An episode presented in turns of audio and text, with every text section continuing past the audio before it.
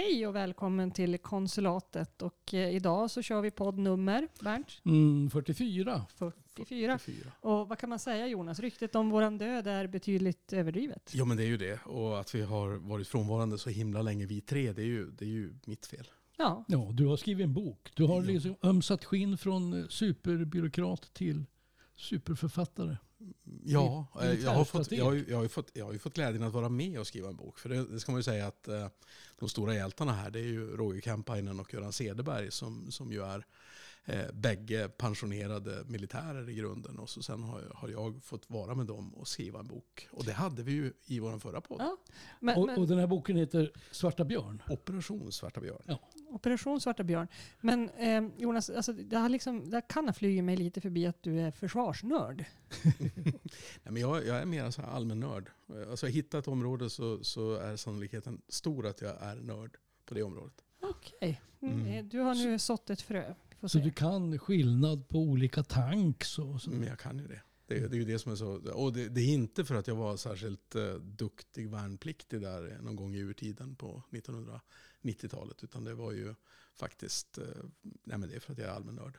Ja, ja, men Sen är det ju så att nu har jag lärt mig mycket, mycket mer. Vi, vi, ska, vi, vi kan ju oförblommerat göra reklam förstås för Operation Svarta Björn. Den finns att köpa. Man kontaktar på enklaste sätt Roger Kempainen.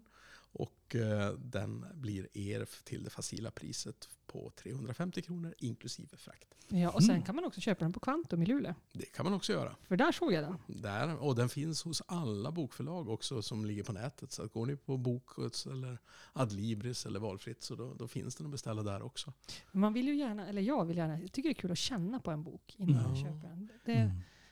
Det är ju, det är ju så här, vi, vi fick ju in böcker, vi fick ju in 1070 kilo böcker Mm. som skulle in, inknuffas i, i mitt garage. Så att det, Jag Det- sitter ju och känner och bläddrar i den här 400 sidor tjocka boken. Men man kan få veta mer om den här om man lyssnar på våran podd nummer 43. Det kan Då får man. man veta väldigt mycket om Operation Svarta Björn. Det får man. Och då får man dessutom lyssna på, på eh, de andra två författarna. Huvudförfattaren Roger Kampainen, Göran Cederberg och lilla jag.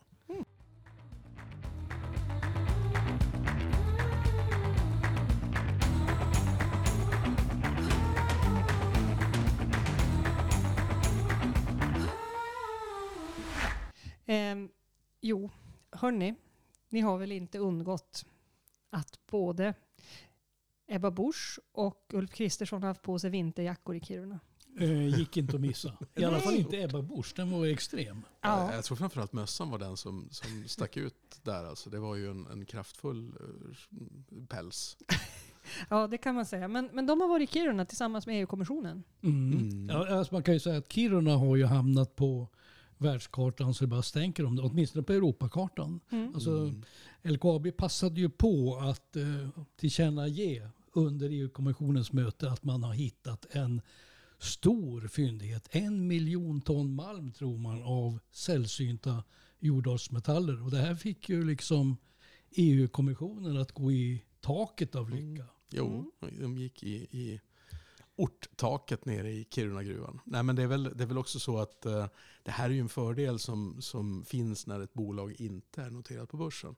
Därför att då väljer man ju helt och hållet själv när någonting ska avslöjas eller när Ja, någonting ska marknadsföras. Mm. det, Eller när någonting är nog intressant. Eh, Som, som jag förstår det när man har pratat med en del LKAB-rävar så, så är ju den här malmen känd sedan ganska lång tid tillbaka. Ja, ja, ja, ja. Men, eh, men Den har ju hade- kärt barn av många namn. Den har ju hetat, vad heter den nu? Geijer? Per Geijermalmen Ja, heter den ja, nu. ja. Lappmalmen kallar de Ja, hette ju den det för. förut. Mm.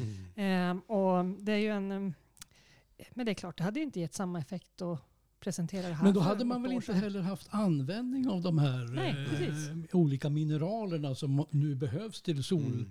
Solceller och vindkraftverk och elbatterier och så vidare. Exakt. Mm, jag, jag, är lite, o- jag är ju allmänt lite nervös för jag är ju faktiskt stolt medlem av Svenska Bergsmannaföreningen.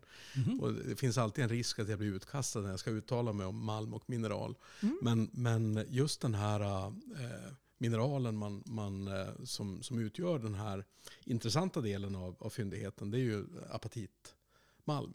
Och eh, den, den sågs ju, jag menar, den är ju i huvudsak biprodukten till de här sällsynta jordartsmetallerna är ju järn. Mm. Eh, så egentligen så var ju det här en, en sorts fyndighet som man förr i tiden ja, men lät bli att bryta därför att det fanns så mycket bättre malm att bryta om det bara var järnet man var ute efter med de metoder som, som då fanns. Mm, mm. Timing är ju precis allting när det, när det handlar om, om eh, gruvbrytning. Både att hitta det i rätt tid men framförallt att kunna få investeringen i rätt tid. Mm. Samtidigt så tänker jag att det händer ju otroligt mycket kring, kring LKAB nu. Jag menar, eh, de har beslutat att bygga en, en första fabrik eh, för att förädla de här metallerna. Den ska väl bygga någonstans söder om Oslo om jag inte fattar fel. På Porsön så sätter man upp något eh, labb och innovationscenter. Mm. Vi har hybrid. Det är hybrid som har varit väldigt kritiserat får man säga. Mm. Rent generellt. De här om man säger, satsningarna på omställningen har ju fått sig en rejäl törn i, i riksmedia. Mm. Skulle jag nog säga. Precis. är ni Och- men jag förvånade tänkte också, också på att dessutom ska man ju bygga en, vad heter det, en cirkulär industripark i Luleå. Ja, du tänker på Remap. Remap. Precis. Mm. precis. Jag var faktiskt ute Som ska på, ge 500 jobb Ja. kanske. eh, jag var faktiskt ute på det området så sent som förra veckan och kikade där de, där de ska, ska bygga det här. Och det är ju, det är ju jättespännande. Mm. Så det, det, händer, det händer mycket. Otroligt mycket. Mm. Men vad säger ni om, alltså, för det är ju, det är ju framförallt Svenska Dagbladets ledarsida som, som har eh, lagt ner ganska mycket får vi säga, kraft och energi åt att formulera en, en åsikt om att eh, Sverige bör ifrågasätta de satsningar i grön industriomställning som, som ju har präglat mycket av debatten och en hel del av, av, in, av eh, investeringspengar. Är det inte mycket den här professorn i nationalekonomi, eh, Henriksson, han gick ut, eh, var det inte det också i Svenska Mm. Dagbladet, gick ut och sa Mm. att eh, eh, vi håller på att gå in i en grön bubbla och det här, de här satsningarna skulle inga privatföretag kunna göra. Det vore helt olönsamt. Det är bara statliga bolag som kan göra det här. Som är bidragsdopade tror jag han använde. Ja, precis. Av, av, av staten. Mm. Mm. Jag tyckte ju själv, jag, jag, hade, jag skrev en krönika i Norrmedia i, i Norran Mhm. kring det. Alltså att när, när man går så långt i debatten, nu var det inte kanske just den här professorn, men, men väl en del av ledarartiklarna där man ville hävda att, eh, att LKAB använder en del av sina vinstmedel för att investera i nyproduktion, att det skulle på något sätt vara ett bidrag var ju en ganska intressant tolkning av, av saker och ting. Det är lite grann som vänsterfolk tidigare sa att avdrag det är ett bidrag för de som är rika. Ja, det är klart, vrider man nog mycket på det så Mm. absolut kan man ju tolka det så. Men, men jag tycker ändå att frågeställningen är ganska, ganska intressant. Mm. Eh, just utifrån att man kan ju tycka att det borde vara så pass intressant att även privata aktörer väljer att satsa på, på det här viset. Men, men där, där landar man ju, jag menar hybrid är ju, är ju naturligtvis Du väldigt... säger du hybrid? Alltså, he- heter det det? Jag säger hybrid. Ja, eller... Ja. Inte Ja. hybris, hybrid. Nej, ja, ibland så, så var det väl folk som skojade och sa det här Ja, hybrisprojektet som förlåt, på. förlåt, Ja, förlåt, förlåt. Fortsätt.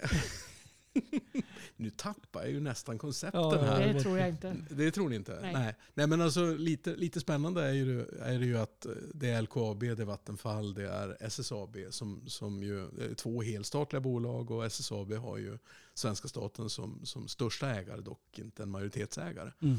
Så att den första delen är ju att säga att, ja, men att kalla SSAB för ett statligt bolag, det, det tycker jag är att överdriva eftersom de faktiskt är börsnoterade och, Mm. och handlas. Mm. Eh, Och dessutom är rätt mycket finska också nu för tiden, ska vi inte heller glömma bort. Den andra delen är ju att eh, här satsar man på att göra fossilfritt stål.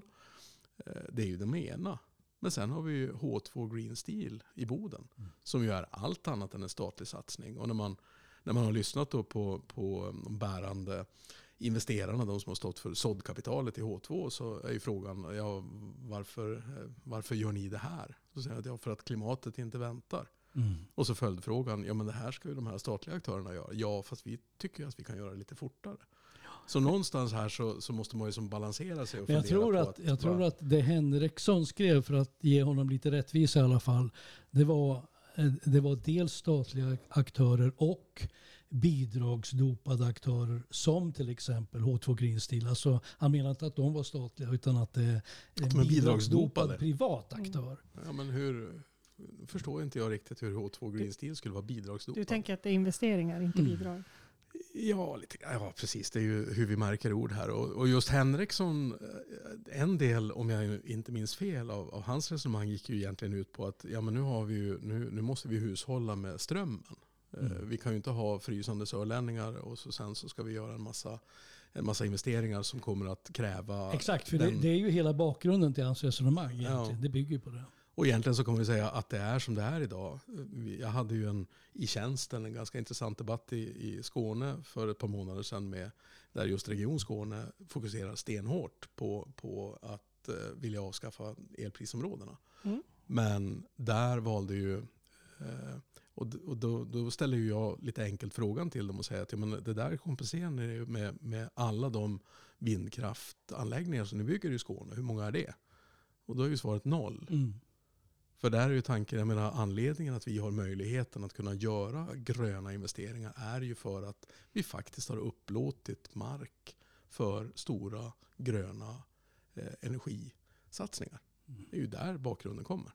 Tycker jag, men nu är jag ju lite part i mål. Men kritiken mot eh, många av de här projekten börjar i alla fall dyka upp. Och, och jag tänker eh, bland annat självklart, alltså samernas riksförbund är ju en av de aktörer som har gått ut och, och eh, ifrågasatt det här. Alltså eh, den här satsningen, man menar att man blir liksom inte tillfrågad och eh, det här fördjupar konflikten mellan ursprungsbefolkningen och Sverige och EU och så vidare.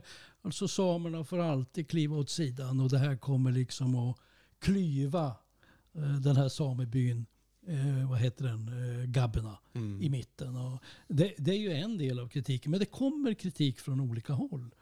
Mm. Jo, men alltså, där måste man ju också ställa sig eh, en hel mängd med frågor förstås. För det, det är klart att eh, den, eh, de, den lilla del av den, den samiska folket som, som ägnar sig åt, åt renskötsel på heltid behöver ju hitta möjligheter att kunna få sin Eh, sin försörjning hanterad. Även om det naturligtvis, jag vill inte använda ordet bidragsdopad, men det, det är klart att vi hand, det handlar ju rätt mycket om en, en, en verksamhet som, som innebär, ja, arbetstillfällena är inte så hemskt många, men det är ju inte det som är syftet. Men det är ju, man kan ställa sig frågan om det är rimligt att mer än hälften av den svenska landarealen på något sätt ska ställas inför veto från en enskild näring. Mm.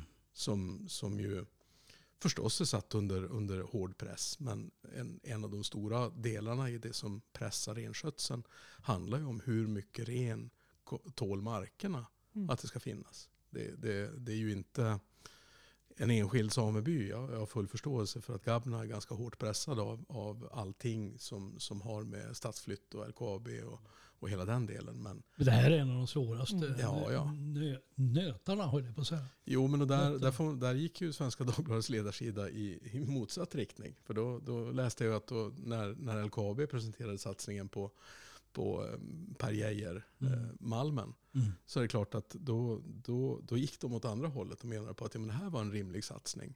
Eh, det som här var väl, tyckte jag nästan mest fascinerande, det var ju att eh, vår eh, närings och energiminister såg att dialog var ett möjligt sätt att kunna hantera den här frågeställningen. Och jag tror ju att det är svårt tror jag, att hitta ett, ett sätt där alla de här intressena kommer att, att känna att det här gick ju jättebra precis på det sättet vi ville. Och nej, det är nog inte så troligt. Men, men jag tänker också, det är ju fortfarande ett stort frågetecken kring elförsörjningen. Eh, och jag förstår kritiken kring det. För den anledningen till att H2 eh, har ett nytt stålverk i Boden är ju inte för att det är jättefint i Boden.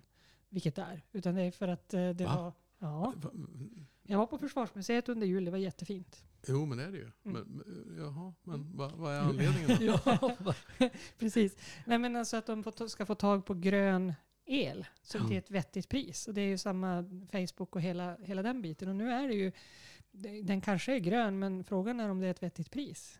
Mm. mm. Nej men så, så är det ju också. Jag menar de här elprisområdena, folk tror ju att det, eller förlåt, en, en del i, i vår huvudstad och med omnejd och folkrika delar tror ju att det är ett ondsint påhitt. Mm eh, som, som är bara konstruerat. Men verkligheten är ju den att elprisområde 1 och 2 har överproduktion av el. Eller en kapacitet att producera mer el än vad, vad man själv kan förbruka. Medan framförallt elprisområde 4 eh, har en kraftigt underskott på produktion av, av, av kraft. Som Ja, kan- sen man eh, slog igen Barsebäck. Ja, men precis. Och, och då, ju, då kan man ju då, vän av ordning, säga att ja, men vad, vad, är då, vad är då möjligt? Kan vi inte slopa de här? Ja, men det går inte att föra över elektriciteten i det ledningsnät som finns mellan elprisområde 2 De så kallade och flaskhalsarna. Mm. Precis. Så att det betyder ju att ja, men om vi hittar på att priset ska vara likadant så hjälper inte det frågeställningen Nej, det om, gör det inte. om elbrist. Det, det skulle ju bara innebära Det att handlar vi... ju om en helt annan sak egentligen. Ja, det kan man ju säga. Och, och egentligen så är väl sammanfattningen det att de här frågorna om, om elektricitet och, och kraft och effekt och så här, det tyckte jag var jättesvårt redan när jag läste teknisk linje på gymnasiet. Så att det, det, alla delar i den lämpar sig ju inte för vad ska vi säga, de, de, de klatschigaste one-linersarna från politiker. Nej, eller för sådana som jag som nu måste titta på hur ska jag, ska, ska jag köpa en ellastbil? Det ska du då. Mm. Eller ska du ha bränslecell och vätgas? Ja, eller ska jag vätgas? Eller är det ändå Ja. inte rimligt att köra på diesel? Ja. Ja. Nej, alltså, Ja. Men hörni, här, häromdagen, eh, alltså på, apropå det här med kritiken som dyker upp. Häromdagen så var jag och lyssnade på ett författarsamtal. Oj. Eh, där Kerstin Wikse intervjuade Karin Smirnoff som har tagit Mm. över Millenniumböckerna efter David, David Lagerkrans. Just det. Mm. Och eh, det var jätteintressant att lyssna på henne och sådär om hur hon resonerar. Hon, hon har skrivit kontrakt med förlaget på tre stycken Millenniumböcker. Eh, och hon har alltså förflyttat redan nu i den första boken som har kommit ut, den heter Havsörnens skrik. Hon har förflyttat handlingen från med Lisbeth Salander, Håkan Blomqvist och så vidare, Mikael Blomqvist, till, från Stockholm till Norrbotten. Japp. Eh, och, eh, eh, och det verkar också som att de här kommande millennieböckerna kommer att utspelas här uppe hos oss. Ja, men det är ju inte, det är ju inte, skapat- ja, men vad ska Svenska Dagbladets ledarsida säga då? Det, det är ju inte rimligt Jo. att all handling ska kunna förläggas till norra Sverige. det Utan det går ju inte. Och, och, och i alla fall, varför har hon gjort det? Jo, därför att Karin Smirnoff, hon har fascinerats över att det är så otroligt mycket på gång och händer så mycket i Norrbotten. Mm. Och hela den här gröna omställningen. Och Västerbotten, hallå där. Ja då, absolut. Ja då, det, det- finns med på Ni får vara med också. Absolut. Det är ju absolut. som, här är det ju full gång. I Norrbotten planerar man ju för Ja. att det ska hända någonting. Lite grann.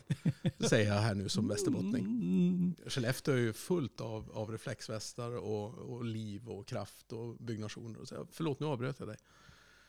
Och nu tappar jag tron. Ja, det var inte mer än rätt. men alltså, nej men alltså Karin Smirnoff, hon, hon, hon eh, noterar liksom att den här omställningen som hon säger sker utan att det ställs särskilt många kritiska frågor. Och Lisbeth Salander och Mikael Blomqvist nu eh, åker ju upp hit och eh, dras in i alla de här konflikterna Mm. som finns här uppe. Alltså på vi ett, pratar gruvor, samer. ja, på ett extremt och våldsamt sätt. Och jag kände när jag läste den här boken, här, eller när jag hörde det här, att jag måste köpa boken. Det här Mm. låter så Men, spännande. men lite kul är det ju om, om vi tänker på Jägarna tv-serien som, som ju eh, förra säsongen utspelade sig med, med eh, gruvtema Mm. och eh, ett juniorgruvbolag. Det var väl guld det handlade om. Som, Mm. Och så lite ond bråd död Mm. och. Och Rolf Lassgård. Va? Så det, det, det går ju som inte att, att hitta ett bättre recept på, på framgång. Va? Nej, och med det sagt så tycker jag att vi ska spela en låt. Som, Törs, man, törs man fråga, går det bra Ja, för exakt. Norrbotten? Eller går det som vanligt? Hoja! Går det bra eller går det som vanligt? De frågar fast de redan vet svaret. Fan jag har slut på snus och inte råd att tanka nu. Går det bra eller går det som vanligt? De frågar fast de redan vet svaret. Fan det är jämna plågor nu och vädret ser inte så bra ut. Jag har körförbud på forten. kan inte lämna gården och råka hackas taxi till dansen. Där blev det nej när jag frågade chansen. Det var bättre för ska ni veta. Då behövde man aldrig leta om man visste vad alla gjorde. Det var på jobbet man bodde. Går det bra? Eller går det som vanligt? De frågar fast de redan vet svaret. Fan det är jämna plågor nu. Ja, så!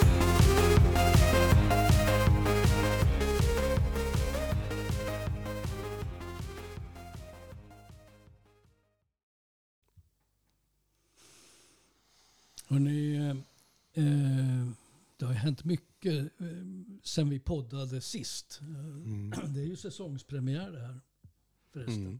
Mm. Tredje året vi håller på. Ja, Ja, det då låter det ju som att vi... Ja. Men jag tänker på en grej som är lite jobbig att snacka om och det är den här åttaåriga pojken i Luleå som eh, misstänks ha blivit mördad av sin pappa. Mm. Mm. Eh, ett fall som eh, rör upp mycket i en tycker jag. Och eh, det har väl närmast blivit en folkstorm kring den här förfärliga historien. Med Mm. väldigt mycket synpunkter på. Det, det, är så, det är så svårt att ta in. Och, och det är också, jag har ju en, eh, en dotter som är nio år. Och hon frågade mig, vi var ute och promenerade och så sa hon, mamma, morfar sa att det var en pojke i Luleå som har blivit mördad.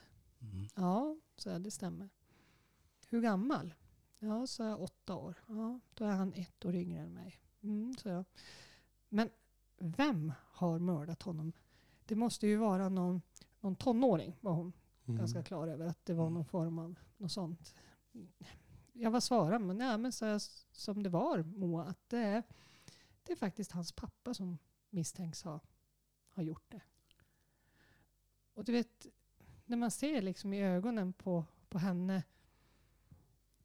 Det, det, är- det, är, alltså, det är svårt. Mm. Alltså, nej, alltså, det som ska vara det tryggaste du Mm. har, Föräldrar. föräldrar. Mm. Det är klart att... eh, Och här blev det ju också en, en, en bakgrund kopplat kring att eh, ja, eh, fanns det tydliga tecken på att det här kunde vara en risk. Och då såg vi ju, då föll det ju sig så att det här har varit uppe till förhandlingar i tingsrätt och eh, Sedermera hovrätt. sedermera hovrätt. Mm. Och så sen så, så säger man från en juridisk ståndpunkt att nej, men det, det här är inte risker som kunde beaktas. Men det var det Alltså ju. vad jag, vad, eh, man har ju läst väldigt mycket om det här men bland annat så har jag ju läst att, att när de här besluten har tagits i rätten så, så känner man till att pojken är rädd för att träffa sin pappa. Han vill inte ha umgänge med sin Mm. pappa. Ändå så, så tilldöms fadern nu ska vi säga, han, är ju, han har ju inte alls erkänt det här. Nej, han är inte dömd. Han är Han inte är dömd. absolut inte dömd. Men jag menar, eh, om det nu är på det här sättet eh, och att mamman har sagt att pojken inte heller vill träffa sin, eh, sin pappa och, och att den här, det här får stöd av polis, skola, socialförvaltning, anhöriga. Eh, Och det är ju liksom inte första gången det här sker. Jag ska inte säga att det är vanligt men Alltså, det kanske inte är vanligt att det, slu- att det slutar i att barnet dör. nej. Men det händer. Jag tänker på den här flickan Esmeralda i, i Norrköping. Mm. Mm. Och jag tänker också att jag tycker det är galet. Vi har i Sverige tillämpar vi barnkonventionen. Men Mm. vi gör ju inte det. Mm. För att biologiska föräldrars rätt till sina barn är större än barnets välmående och säkerhet. Ja, domstolarna hänvisar ju till det, till, till, till det i- före barnens rätt. Mm. Det är det som är så märkligt. Eh, Jag kan tycka att det är märkligt. Jag vet inte var, var felet ligger. Om det ligger i lagstiftningen eller om det ligger i...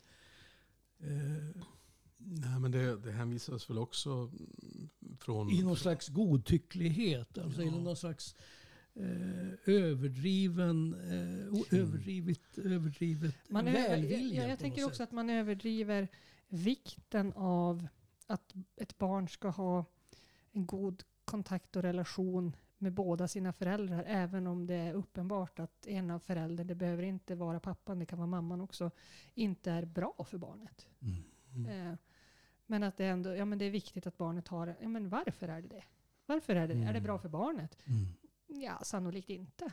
Men, men här har vi ju också en, en, ett... ehm, det här är en glidande skala också. Hur, hur mycket tillmäter vi barnets egen uppfattning? Där, där ju eh, uppenbarligen så, så är det väldigt litet barn tas ibland på allvar och ibland inte.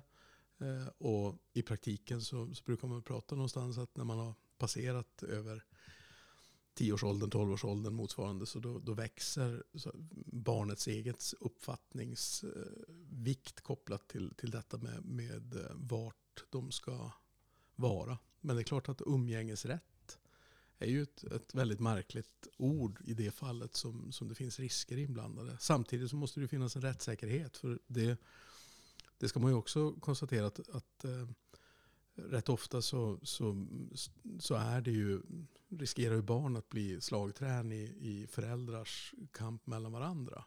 Och att umgängesrätt och vårdnad och, och annat är, är sånt som, som man slåss om, alltså inte bokstavligen men, men ganska kraftfullt. Och då hamnar ju barnet, oavsett hur det blir, alltid som en förlorare. Mm. Absolut. Men jag tänker också i de här fallen som, som det var i det här fallet där mamman då har tilldelats hela vårdnaden. Mm. Det har man gått in och gjort, att Mm. tilldela henne hela vårdnaden. Men man ska ändå ha, den andra parten ska ändå ha en rätt till umgänge. Och trots att det finns då anmälningar, det finns polisanmälningar, det finns orosanmälningar, det finns Mm. ett Mm. gediget underlag så väljer man alltså ett oövervakat umgänge. Men vad är, det som, vad är det som krävs för att samhället på ett, på ett riktigt och begåvat sätt sätter barnens bästa först? Alltså vad är det som krävs? Vad är det som saknas? Alltså Mm. det undrar jag. Mm. Nej, men, Varför blir det så här? Ja. nej, men, nej, det finns ju inte någon som helst förklaring till att För det känns ju en, som en åttaåring det känns ju- mördas. Det gör det ju inte. Nej, precis. Och det känns ju lite grann som att, i det här fallet i varje fall, att barnet blir påtvingat Mm. den här, det här umgänget. Mm. Alltså, och det, det är också, det låter, det låter liksom, det blir en helt absurd tanke. Sen är ju en- särskilt när man ser konsekvenserna. Sen är det ju också en, en situation för den föräldern då, i det här fallet var det mamman som hade vårdnaden och som tvingas släppa iväg Mm. sitt barn för ett Mm. oövervakat umgänge med en person som har dokumenterat varit våldsam både mot Mm. henne och barnet. Alltså som förälder, vilket ni också båda är, alltså hur, hur maktlös skulle man känna sig? Och, Mm. och sen också är det ju så att om man inte gör det, Ja, då, inte, ja, ja, vad händer då? Ja, då är konsekvensen Då att är konsekvensen att då kanske inte jag har vårdnaden heller. Nej. Nej, och i, äh, det, det, är så, ja, det är så obegripligt ofattbart. Men det är klart att om vi också tittar på Eh, alltså det man behöver få till då. Om, om man nu ska försöka säga vad, vad är målet? Ja, men det måste ju vara att barnens intressen är det som sätts i första rummet och att det verkligen blir så. Och så sen naturligtvis att det ska finnas någon form av rättssäkerhet kopplat till, till eh, på vilket sätt man avgör att nu, nu finns det en fara, nu finns det risk, nu finns det det ena. Men, men här kan man ju då konstatera att, att barnet, eh, barnets rätt är ju uppenbarligen eh, det som, det som inte fungerade här. Därför att barnet har ju ett grundläggande rätt till liv. Mm. Så det, det mm. Var kommer barnen in? Ja, var kommer barnen in? Ja, vad gör de?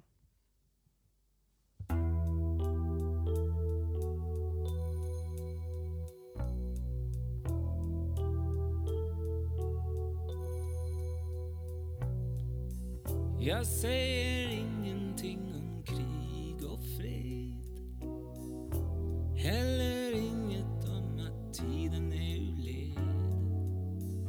Jag säger inget om en sårad jord. Men hjärtat slår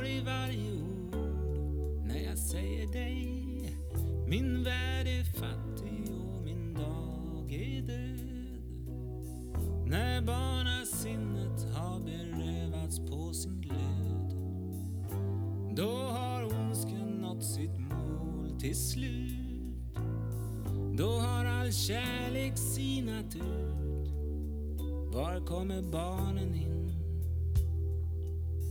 De bär på elden Som du en gång, som jag en gång Men allt för länge sen, allt går igen jag ser mot solen och tankarna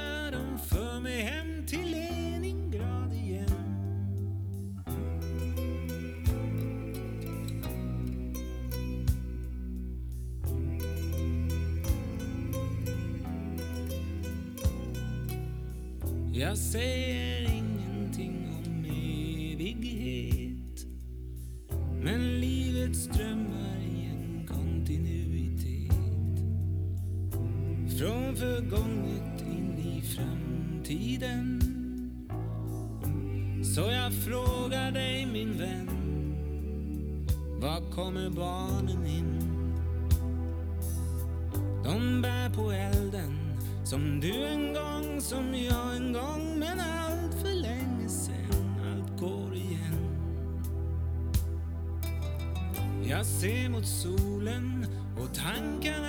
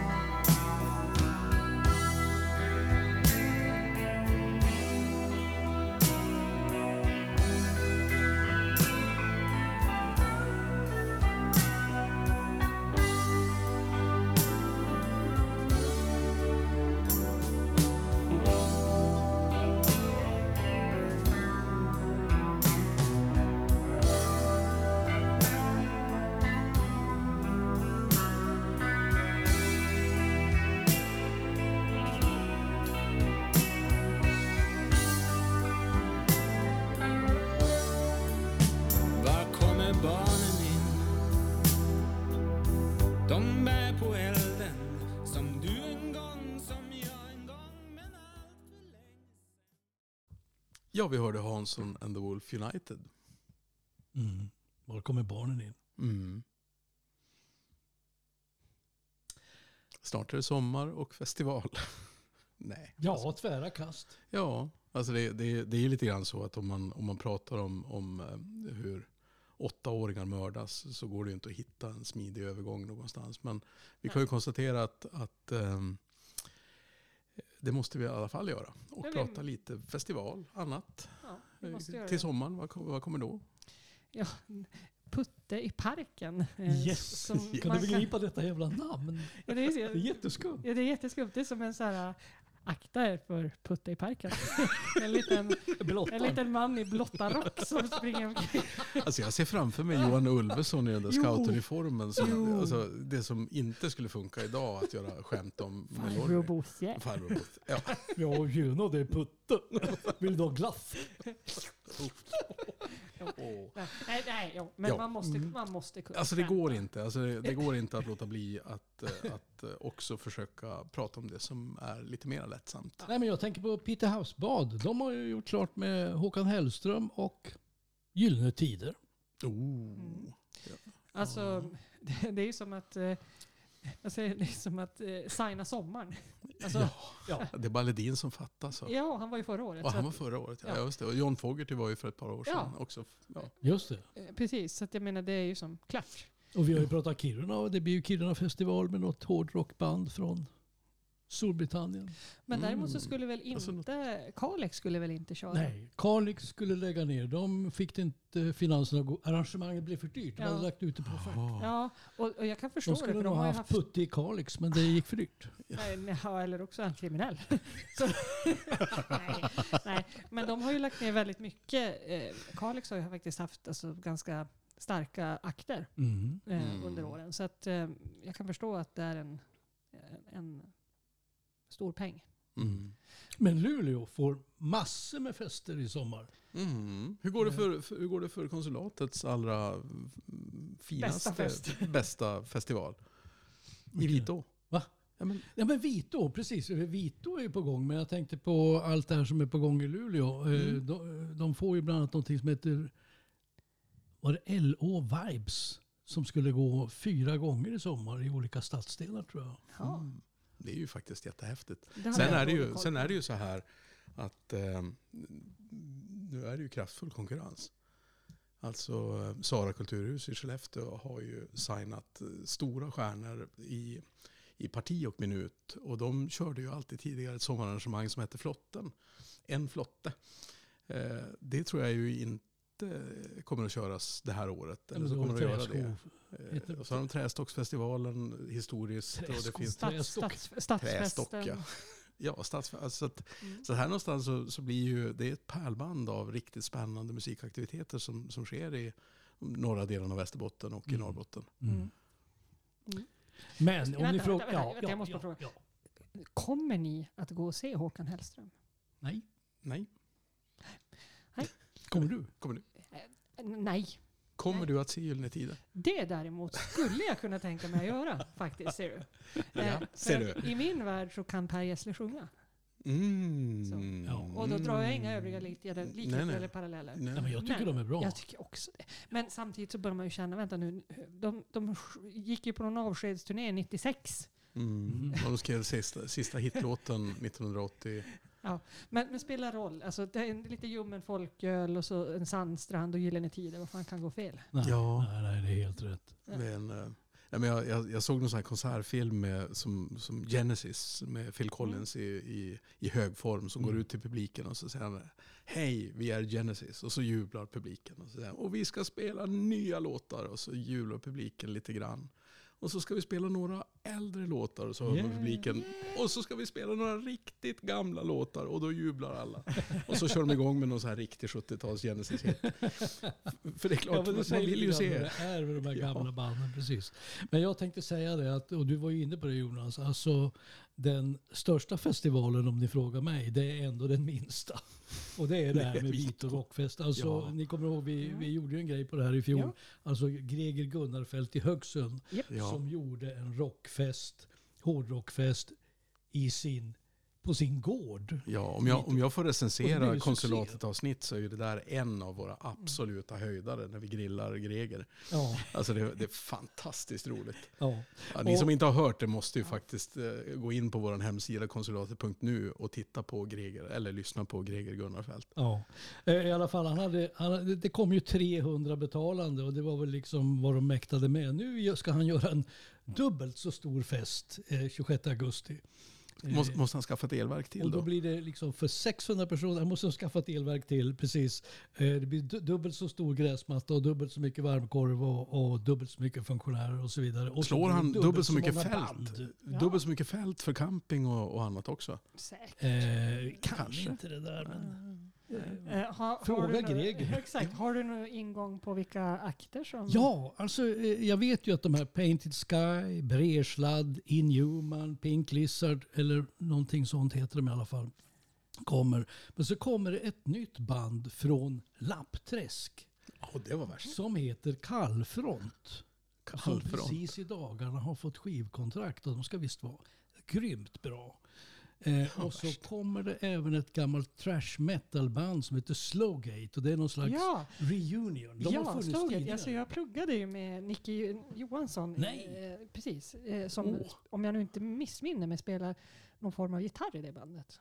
Från Boden. Alltså någon form av gitarr. Ja, elgitarr eller basgitarr eller... Ja, ja, ja. Mandolin eller... Nej, kanske inte mandolin. Nej, just. jag skulle chansa på elgitarr Ja, faktiskt. så att, Nej, men skulle vi- det vara så att du hellre går på, på att lyssna på dem än på Håkan Hellström? Svar ja. Är det så? 100 Jaha, procent. det var värst. Härligt. Ja. Eh, ja, då går vi tillsammans. Ja, tycker det är jag. klart vi gör det. Definitivt. Alltså vi pratar om, om Kiruna här som har kommit Mm. på, på världskartan ordentligt. Mm. Frågan om inte Vito snart är på världskartan också. Ja, men visst är det så. Here's for hoping säger Men jag. det är ett band jag sa- saknar där i den här uppsättningen. Mm. Jag skulle ju vilja att? Greger? Gunnarfelt tog in Sabaton.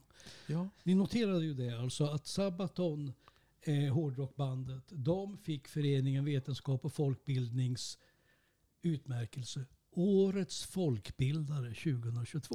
Det är, väl det, enda, om ja, men det är väl det enda heavy metal-bandet i världshistorien som har fått Ja, det det. pris som Men var, årets var, inte, folkbildare. var inte problemet att de hade varit och spela för några suspekta ryska motorcykelmänniskor för ett antal år sedan? Jo, de, det, precis. Och det här kom upp som kritik mot Ja. det här priset. Och nu har den här eh, föreningen Vetenskap och folkbildning, de har gjort en, en riktig research och, och kommit fram till att, eh, att eh, de har liksom manifesterat att de har Mm. tydligt tagit avstånd från kriget, från Rysslands eh, anfallskrig mot Ukraina. Och att de står fast eh, vid att de stödjer liksom folkrätten. Mm. Mm. Så att det här priset står kvar. De har fått det. Och det är ju bland annat för att de skildrar historiska skeenden korrekt. Utan att vara experter. Utan de lyssnar på forskare och skriver sina texter efter det. Mm.